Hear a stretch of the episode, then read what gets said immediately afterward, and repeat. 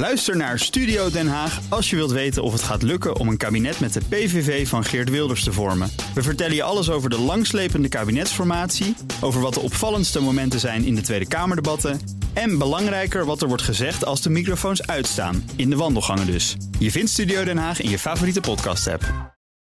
Het Oekraïnse leger heeft de afgelopen dagen meerdere dorpen bevrijd. En dat niet alleen. Oekraïne meldt dat ze in een week tijd maar liefst 90 vierkante kilometer grondgebied hebben heroverd op de Russische invasietroepen. En ondertussen zijn er vannacht drie doden gevallen bij raketaanvallen op een eh, stad in het zuiden, Kri. Bij ons Dick Sandé, defensiespecialist verbonden aan instituut Klingendaal. Meneer Sandé, goedemorgen. Goedemorgen. 90 vierkante kilometer, dan zeven dorpen. Uh, totaal bezet gebied van de Russen is rond de 100.000 kilometer. Dit is nog geen procent. Nee, je mag dit dan ook denk ik kwalificeren als speldenprikken in termen van grondgebied wat veroverd is. Desalniettemin is natuurlijk wel van belang. Want het toont aan dat Oekraïne eh, op diverse plaatsen aan de hele lange frontlijn nu in de aanval is. Ik mag het ook nog even aan herinneren dat de laatste aanval van de Russen in augustus vorig jaar was. Sindsdien ligt het initiatief bij Oekraïne.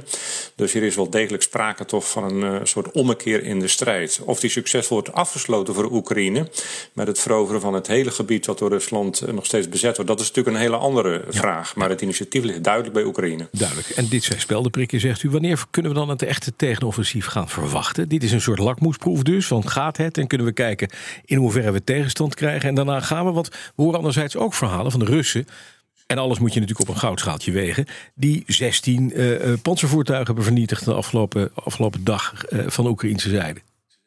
Ja, dat geeft ook aan dat de strijd heftig is. Ja. Hè, hoewel die nog maar plaatsvindt heel dicht bij de frontlijn zoals die al was. Uh, en ik denk dat dat nog veel erger gaat worden. Want de komende weken zullen tamelijk uh, doorslaggevend zijn voor waar Oekraïne zwakke punten vindt in dat front. En daar dan meer strijdkrachten naartoe gaat dirigeren om daar die doorbraak te forceren. En dat zal gepaard gaan met heel veel geweld. En ik vrees ook met behoorlijk wat slachtoffers. Want dit is heel intensief uh, grondgevecht wat daar plaatsvindt. Ja, en dan zou je zeggen, wat hebben we luchtsupport nodig? Die F-16's waar Oekraïnse piloten voor getraind worden. Die zijn niet op tijd. Uh, het regent daar, dus met tanks kan je ook niet lekker uit de voeten. Gaat dit niet leiden tot een, tot een soort padstelling, een soort frozen conflict, waarbij uh, de Russen getest zijn, teruggedrongen worden, een beetje, en de Oekraïners uh, vechten om munitie, manschappen en spullen?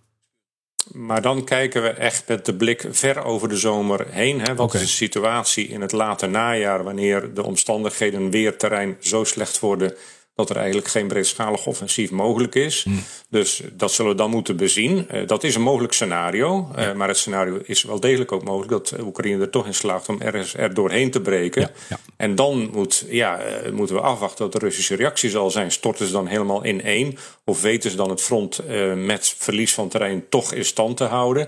al dat soort zaken is natuurlijk tamelijk onvoorspelbaar. We moeten ons bewust zijn dat die frontlijn die nog steeds loopt vanaf de Dnieper tot aan uh, de Russische grens ten noordoosten van uh, Kharkov, dat die enorm, enorm lang is. Ja.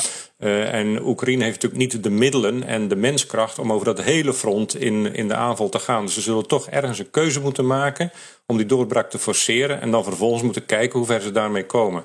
En dan kan het zijn dat we in het najaar een soort nieuwe padstelling krijgen. Dat is mogelijk. Ja, ja precies. Maar even nog naar het nu. Uh, vannacht weer raketaanvallen van de Russen. Werd het succesvol afgeslagen boven Kiev, zo zeggen althans de uh, autoriteiten daar, de burgemeester van Kiev. weer raketten die insloegen, maar nu ook Russische raketaanvallen op Krivi Ri. en daar, ja, daar lukt het dus kennelijk wel om door de luchtverdediging heen te komen.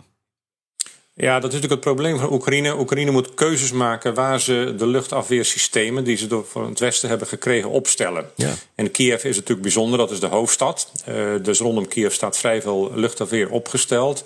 En daar wordt dan ook het overgrote deel van, van de drones en andere middelen die ingezet worden, raketten die worden uit de lucht gehaald. Dan zie je Rusland natuurlijk zoeken naar andere gebieden en steden waar die luchtverdediging of afwezig is of veel zwakker is.